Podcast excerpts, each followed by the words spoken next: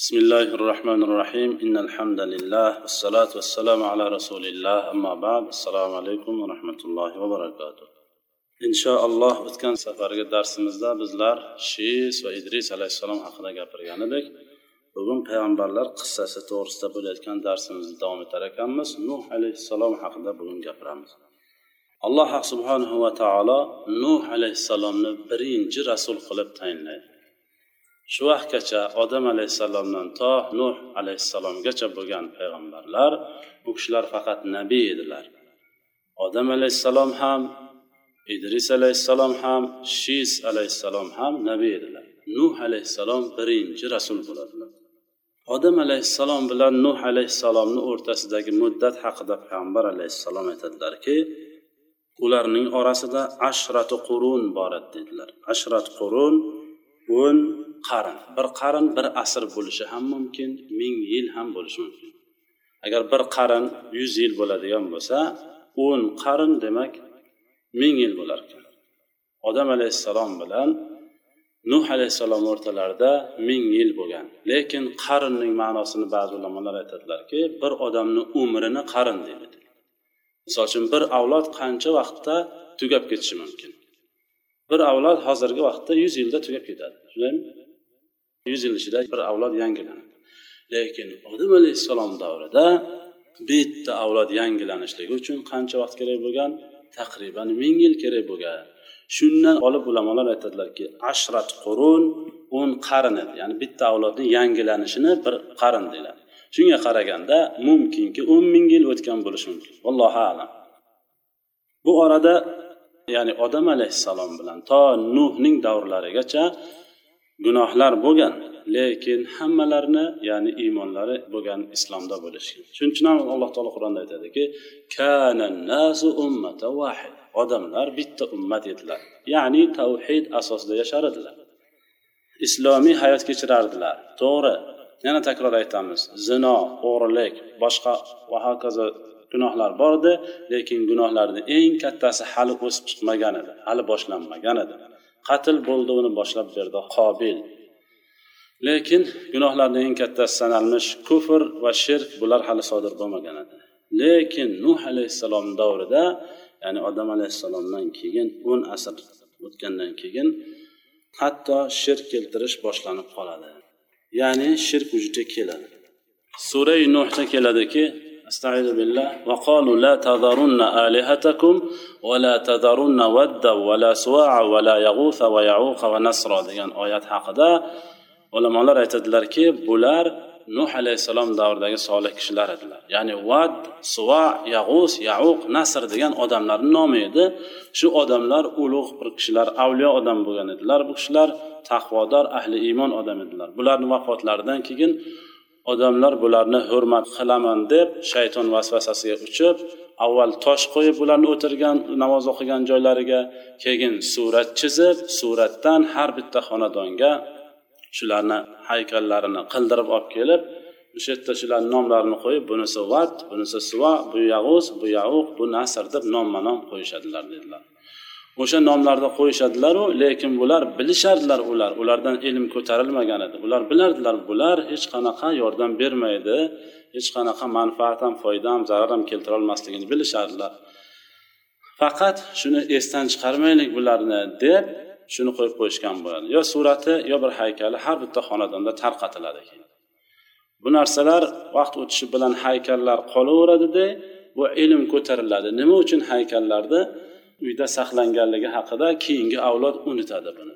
Ya'ni keyingi avlod shu xulosaga keladiki bizda dadamiz bobomiz otamiz onamiz qachon ibodat qilsa shularni qo'yishardi. Demak shularga ibodat qilishardi degan xulosaga kelib asta asta shu haykallarni o'ziga ibodat qilib ketishadilar. Hatto nuh alayhissalom davriga kelib birorta muvahhid qolmaydi. Hamma mushrik bo'lib ketadi. Faqat nuh alayhissalomni o'zlarigina muvahhid bo'lib qoladilar. Boshqa hamma mushrik bo'lib ketadi.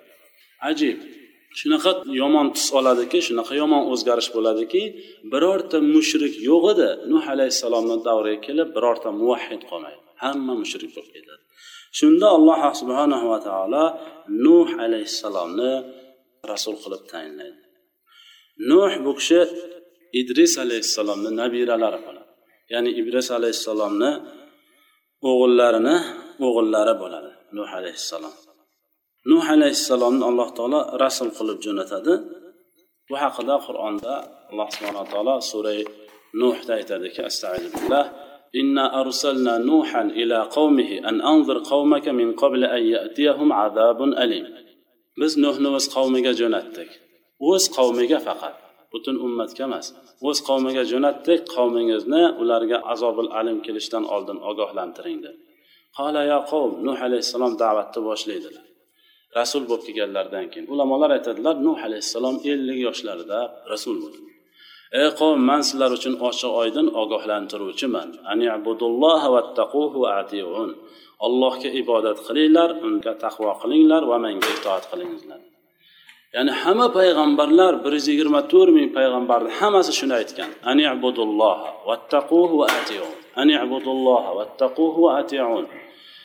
Ya'ni tavhidga da'vat qilishganlar. Nima bo'ladi natijada?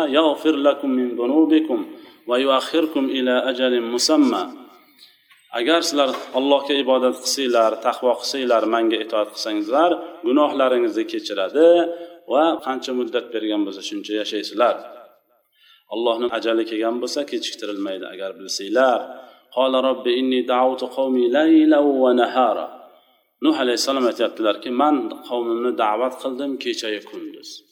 ya'ni bir oyda bir marta emas bir haftada bir marta emas har kuni bo'lib ham kechayu va kunduz yigirma to'rt soat da'vat qilaman fursat topsalar da'vat qilaveradi alam ya'ni bu kishi butun qiyomatgacha da'vatchilarga ya'ni ibrat qilib misol qilib keltiriladi ya'ni nuh alayhissalom استعيذ بالله ولقد أرسلنا نوحا إلى قومه فلبث فيهم ألف سنة إلا خمسين عاما biz nuhni o'z qavmiga rasul qilib jo'natdik to'qqiz yuz ellik yil ularni da'vat qildi deydi alloh taolo qur'onda aytyapti قال رب إني دعوت قومي ليلا ونهارا فلم يزدهم دعائي إلا فرارا mani da'vatim ularni faqat qochishlikda ziyoda qilardi hech kim manga quloq solmasdi وإني كلما دعوتهم لتغفر لهم جعلوا أصابعهم في آذانهم واستغشوا ثيابهم وأسروا واستكبروا استكبارا.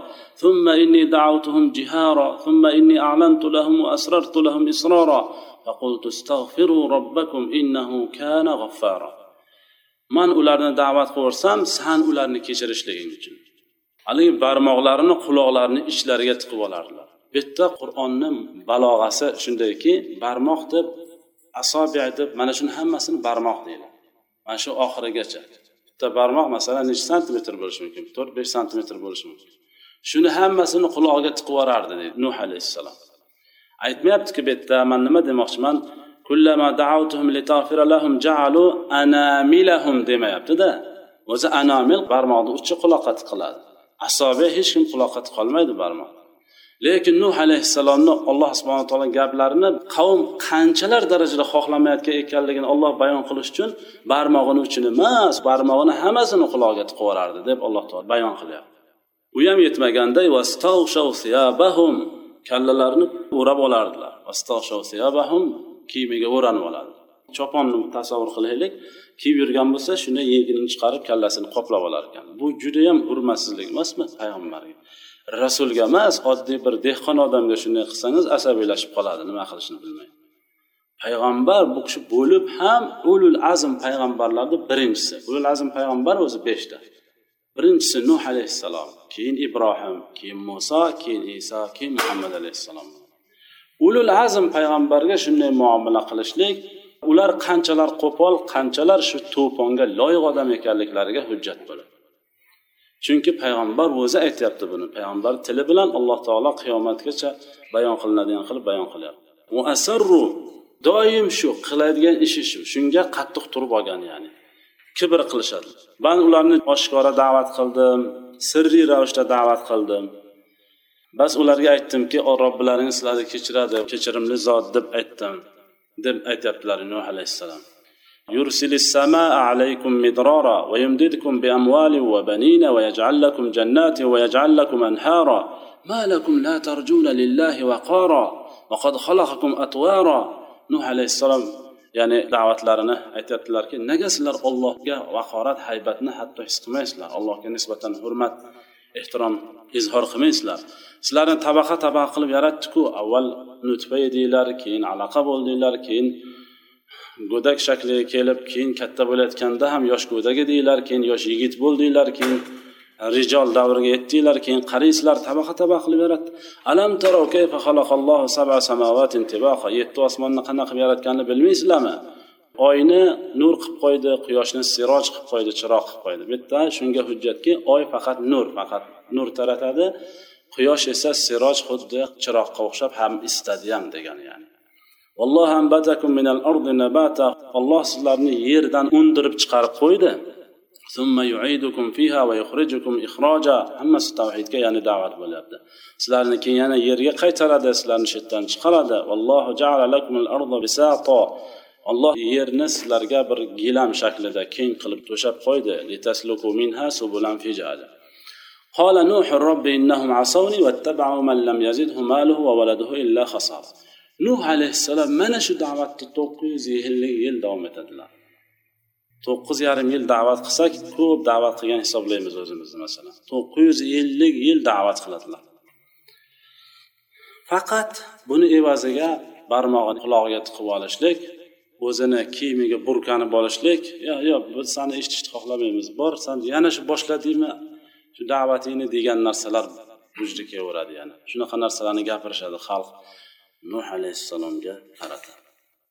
Nuh alayhissalomni hatto ya'ni hozirgi davrda kim misol uchun haqiqiy islomni qabul qiladigan bo'lsa ekstremist fundamentalist terrorist deyishganiga o'xshagan nuh alayhissalomni majnunga chiqarishadilar. U vaqtda bunaqa kalimalar bo'lmaydiyu lekin ikkovi bir biriga juda yam o'xshaydigan kalimalar. Xuddi o'sha narsani hozirgi vaqtda ham takrorlashyapti masalan.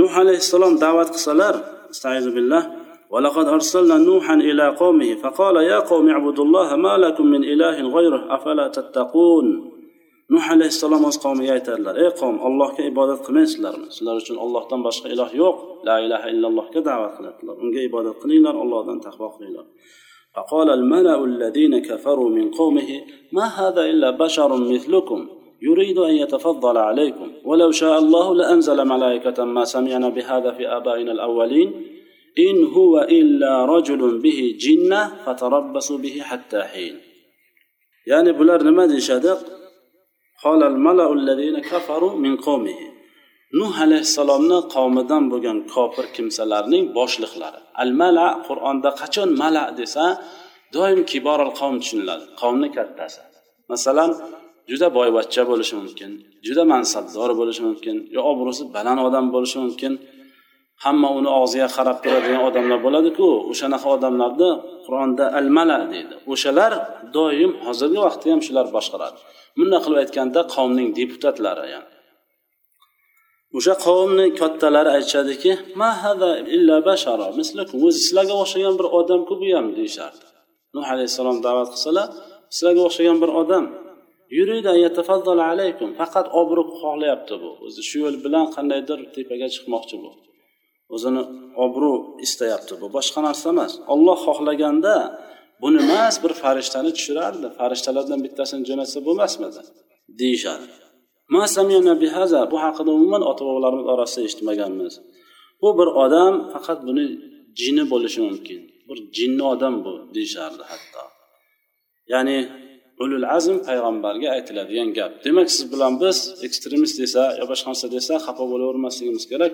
Chunki bu odamlariki iymoni bo'lmasa tanasida ulul azmmi ro'barusida saidil mursalinmi hammasi bir tin.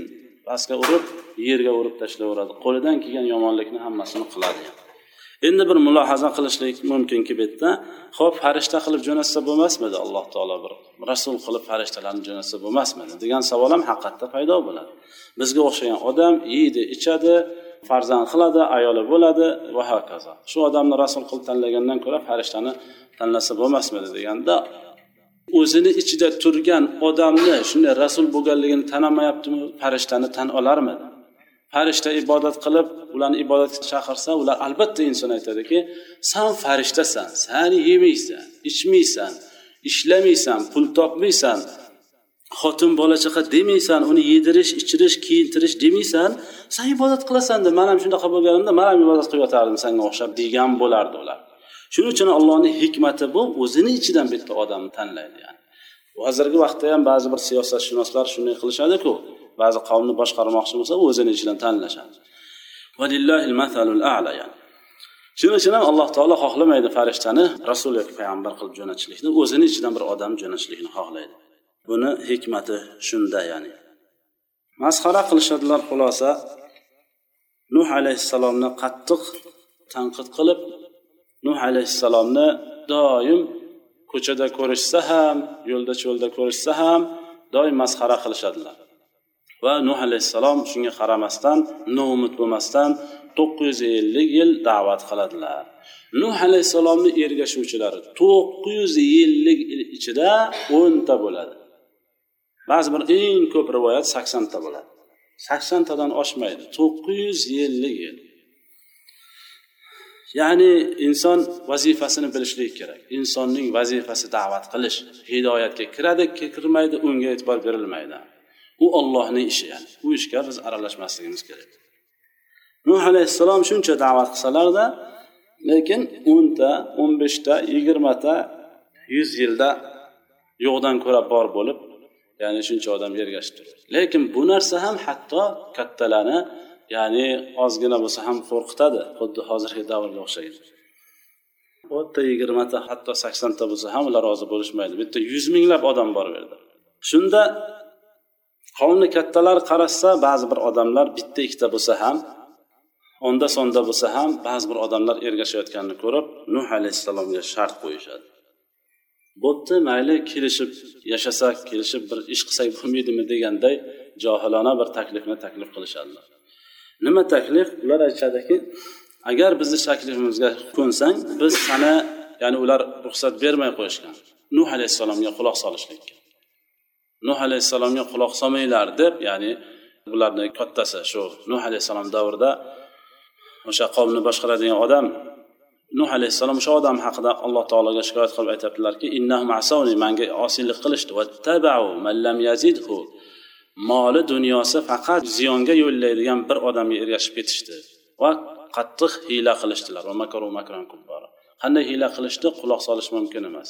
O'sha odam bir odam qonun chiqaradiki bu odamga va o'shanga ergashgan mo'minlarga ham quloq solishlik birga o'tirishlik mumkin emas va xudolaringizni tashlamangizlar shuvat vat yag'us yag'uz yauq nasr mana shu bizni xudolarimiz bo'ladi. Deb shuni tashlamaslikka ya'ni buyruq bo'ladi.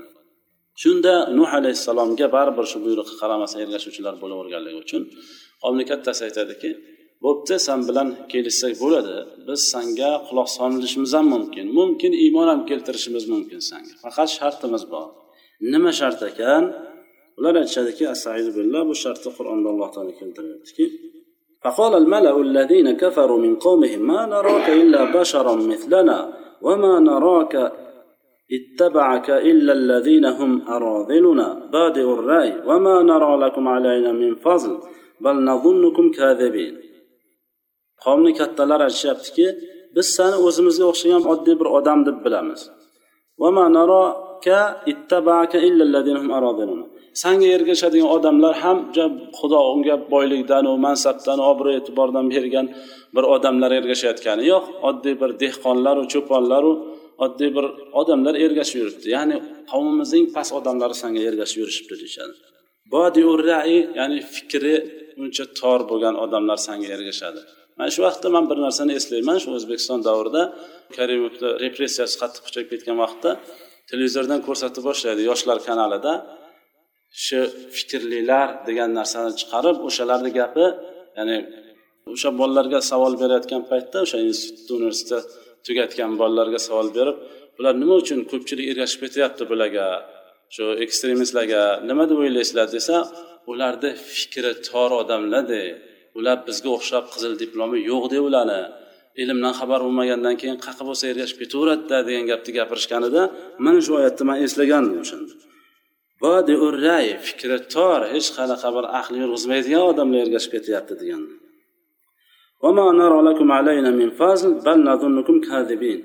Birorta bir afzallik joyini ko'rayotganimiz yo'q. Hamma yaxshilik bizlar orqali bo'ladi deyishadi boylik yaxshi narsa to'g'ri. Robbana atina fid dunya hasana va fil oxirati hasana. Dunyodagi hasana nima? Boylik bu ham dunyodagi hasana.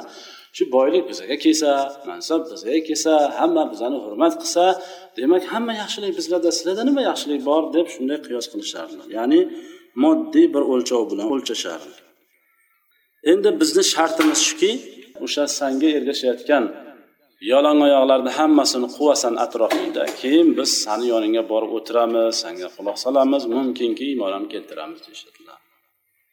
Nuh alayhissalomga umuman to'g'ri kelmaydigan nafaqat nuh alayhissalomga hatto alloh subhanava taoloni o'ziga ham to'g'ri kelmaydigan bir taklifni taklif qilishadilar. Nuh alayhissalom bunga javoban aytadilarki man hech vaqt manga ergashgan odamlarni man oldimdan quvlamayman. Nuh alayhissalom aytadilarki vaya qavm la as'alukum alayhi mala in ajriya illa alalloh وما أنا بطارد الذين آمنوا إنهم ملاقو ربهم ولكني أراكم قوما تجهلون ويا قوم من ينصرني من الله إن تردتهم أفلا تذكرون ولا أقول لكم عندي خزائن الله ولا أعلم الغيب ولا أقول إني ملك ولا أقول للذين تزدري أعينكم لا يؤتيهم الله خيرا الله أعلم بما في أنفسهم إني إذا لمن الظالمين mana bu nuh alayhissalomni ularga bo'lgan javob bo'ladi ya'ni aytadilarki man qilayotgan da'vatim uchun sizlarga ajr olmayman pul olmayman buni evaziga mana shu gapga ham ozroq to'xtalish kerak bo'ladi. Nuh alayhissalom nima uchun shu gapni gapiradilar? Boshqa payg'ambarlar ham aytishgan la asalukum alayhi mala la asalukum alayhi ajro deb ko'p keladi. Shuni evaziga man pul olmayman da'vat qilaman pul olmayman. Bu bizlarni o'rtamizda oddiy narsa bo'lib qolganu lekin bir oddiy bir misol dunyoviy bir misolni olib kelsak yaxshi tushunarli bo'ladi. Bir odamni bir kishi mahbus qilayotgan bo'lsa olib borib qamaydigan bo'lsa darhol advokatni qo'yamiz o'rtaga. Yaxshi advokatni olib kelamiz yaxshi himoyachini olib kelamiz yaxshi pul to'laymiz. Nima uchun shu odamni hatto jinoyat qilgan bo'lsa ham shu odamni o'sha bir to'rt besh yil mahbus bo'lib qolishligidan himoya qilib olishlik uchun yaxshi pul to'lanadi bunga. Endi bu yerda rasullar mahbus bo'lib qolishligi uchun emas bir umrlik azobdan qutulib qolishligi uchun o'rtada homiy bo'lyaptilar ya'ni o'rtada tushuntiryaptilar bu narsani hammasini. Lekin buni evaziga biror so'm olayotganlari yo'q. Aslida yaxshi pul olsalar ham bo'ladi masalan. Bunday dunyoviy fikr bilan oladigan bo'lsak. Katta narsani ko'p narsani tushuntiryaptilar. Sizni do'zaxga borib o'sha yerda mahbus bo'lib qolishingizdan himoya qilyaptilar. Alloh subhanava taolo u kishilarni jo'natyapti yani. Shuni evaziga man pul so'rayotganim yo'q. Buni mani ajrim faqat ollohni o'zini zimmasida. Man hech vaqt oxirgi xulosalariki sizlar taklif qilayotgan taklifni qabul qilmayman. Iymon keltirgan odam xoh rais bo'lsin xoh marus bo'lsin man uni oldimdan quvlamayman dedi sizlar bir o'ylab ko'ringlar juda johilona bir takliflarni manga taklif qilyapsizlar dedilar. Agar man ularni quvlaydigan bo'lsam oxiratda qanday javob beraman man ular uchun dedi afala tazakkarun bir aqlinglarni ishlatmaysizlarmi deydilar. Bir pichoqqa ilinadigan taklif qilsanglar bo'lmaydimi deganda yani. Man boy odam ham emasman g'aybni ham bilmayman man sizlarga man farishtaman ham demayman. Sizlar ularni past uradigan odamlarni ularga hech qanaqa yaxshilik yo'q deb ham aytmayman. Olloh biladi kim qanaqa ekanligini deydilar. toyinki sizlar manga quloq solishinglar uchun man ularni quvlaydigan bo'lsam man o'zim zolim kishilardan bo'lib qolaman deydilar nuh alayhissalom shundan keyin ular nima deyishadilar qolu ya nuh qad jadaltana fa aksarta jidalana fa'tina bima ta'iduna in kunta min as-sodiqin قال إنما يأتيكم به الله إن شاء وما أنتم بمعجزين ya'ni ey nuh biz bilan rosa tortishding aksar tajidalana judayam ko'p tortishib yubording biza bilan. Shu sodiq bo'ladigan bo'lsang san ogohlantirasan iymon keltirmasang bunday bo'ladi baraka ko'tariladi hatto alloh azobni jo'natadi. Oxiratda emas shu dunyoni o'zida sizlarni azoblaydi deysan deysan gaping to'g'ri bo'lsa olib kel shu azobni deyishadi.